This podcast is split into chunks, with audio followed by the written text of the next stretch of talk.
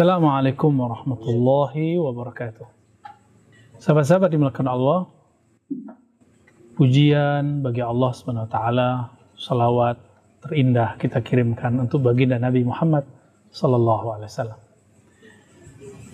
Ada pertanyaan yang lumayan berat mengenai tema-tema uh, kecintaan kepada Allah yang biasa disebut dengan wahdatul wujud Wahdah berarti kesatuan.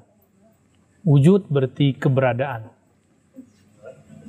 Wahdatul wujud berarti yang wujud hanya satu. Tidak ada dualisme wujud, hanya ada satu yang wujud. Itu yang disebut dengan wahdatul wujud. Beda dengan itihad, itihad ada persatuan satu dengan dua. Ada uh, satu dua subjek yang berbeda lalu bersatu menjadi menjadi satu wujud. Begitu juga hulul. Perbedaannya itihad dari yang rendah kepada yang tinggi, dari hamba kepada Tuhan, hulul dari Tuhan kepada hamba. Sedangkan wahdatul wujud tidak meyakini ada dualisme, yang ada hanya satu. Itu definisi umum daripada wahdatul wujud. Lalu di negeri kita adakah padanannya? Ada. Padanannya kita temui dari tokoh yang disebut dengan Syekh Siti Jenar yang beliau mengajarkan satu istilah manunggaling kaula Gusti. Jika diterjemahkan secara umum, kesatuan dengan Tuhan, hamba dengan Tuhan. Mungkin ini terjemahan bebas yang bisa disalahartikan ya. Sahabat-sahabat dimakan Allah. Sebenarnya siapakah yang yang betul-betul wujud? Yang dia ada tanpa diadakan. Ini yang kita sebut dengan wajib wujud. Dia adanya tidak pernah diadakan. Dia ada karena memang dia bisa ada dengan dirinya sendiri.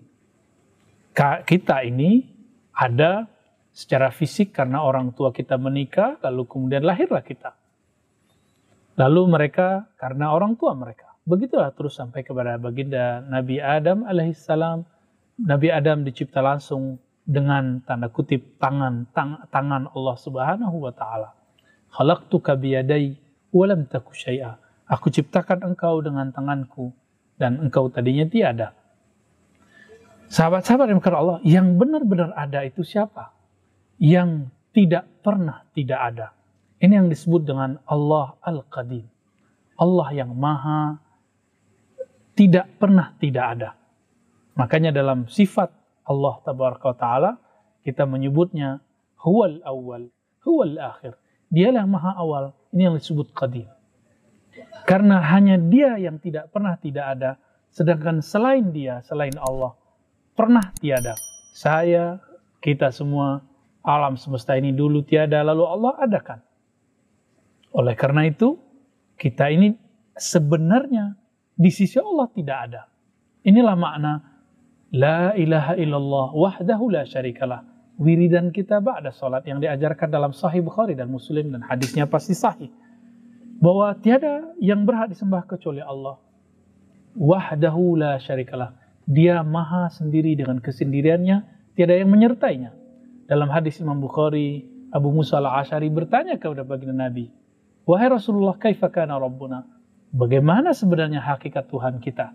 Apa jawaban Nabi? Karena Allah wala syai'ama. Allah ada, tidak ada sesuatu pun bersamanya. Apakah bisa disandingkan Allah yang maha ada, tidak pernah tidak ada, dengan kita yang dulunya tiada lalu menjadi ada. Yang membandingkan dan menyandingkan ini, dia telah terjebak kepada dualisme syirik. Ini syirik dalam bab bab ontologis, ya, dalam bab sumber, bukan teologis. Secara teologis, secara akidah, kita ada, Allah ada. Maka bukan bukan hanya dualisme, bahkan banyak banyak sekali keberadaan. Tapi sumber dari semua yang ada ini dari keesaannya. Dan yang benar-benar ada cuma dia. Karena kita yang ada ini disebut mungkinul wujud. Diadakan oleh Allah. Dari pancaran nur keberadaannya. Maka yang benar-benar ada hanyalah dia. Itulah makna wadatul wujud menggali, mengembalikan uh, persaksian Allah kepada dirinya. Syahid Allah, Allah bersaksi terhadap dirinya. Maka sahabat-sahabat yang karena Allah, wahdatul wujud yang dimaksud oleh Imam Ibnu Sab'in. Nah, ini perlu diketahui, yang mempopulerkan lafaz wahdatul wujud bukanlah Ibnu Arabi. Banyak orang mengira ini dari Ibnu Arabi. Ibnu Arabi hanya mengatakan al-wahdah al-mutlaqah. Sedangkan dalam Rasail Ibnu Sab'in Al-Andalusi juga sama dengan Ibnu Arabi, beliau mempopulerkan lafaz wahdatul wujud. Cuma sayang sekali Ibnu Arabi dituduh menjadi orang pertama berbicara wahdatul wujud. Siapa yang menuduhnya? Tiada lagi yaitu imam yang bernama Ibnu Taimiyah. Karena Ibnu Taimiyah mempunyai definisi terhadap wahdatul wujud bukan definisi ontologis. Tadi yang kita bahas itu namanya definisi ontologis. Sedangkan Ibnu Taimiyah berfaham dengan definisi teologis secara ahli kalam. Ontologis biasa dipakai oleh para sufi, sedangkan teologis dipakai oleh ahli kalam.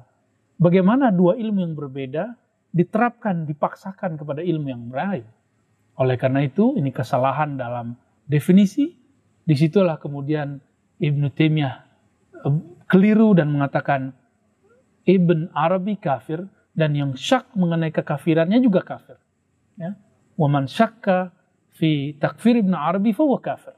Ini dibantah oleh Imam Asyuti. Imam Al-Hafiz Syuti menulis kitab Tanbihul Ghabi menolak imam setelah eh, Ibn Taimiyah eh, yang yang menulis mengenai bahwa Ibn Arabi kafir. Apa jawaban beliau? Kata Imam Syuti, Tanbihul Ghabi ya, fi tabri'ati Ibn Arabi. Peringatan bagi orang yang bodoh, yang tidak mengerti mengenai apa? Bahwa Ibn Arabi terbebas dari kekufuran yang dituduhkan.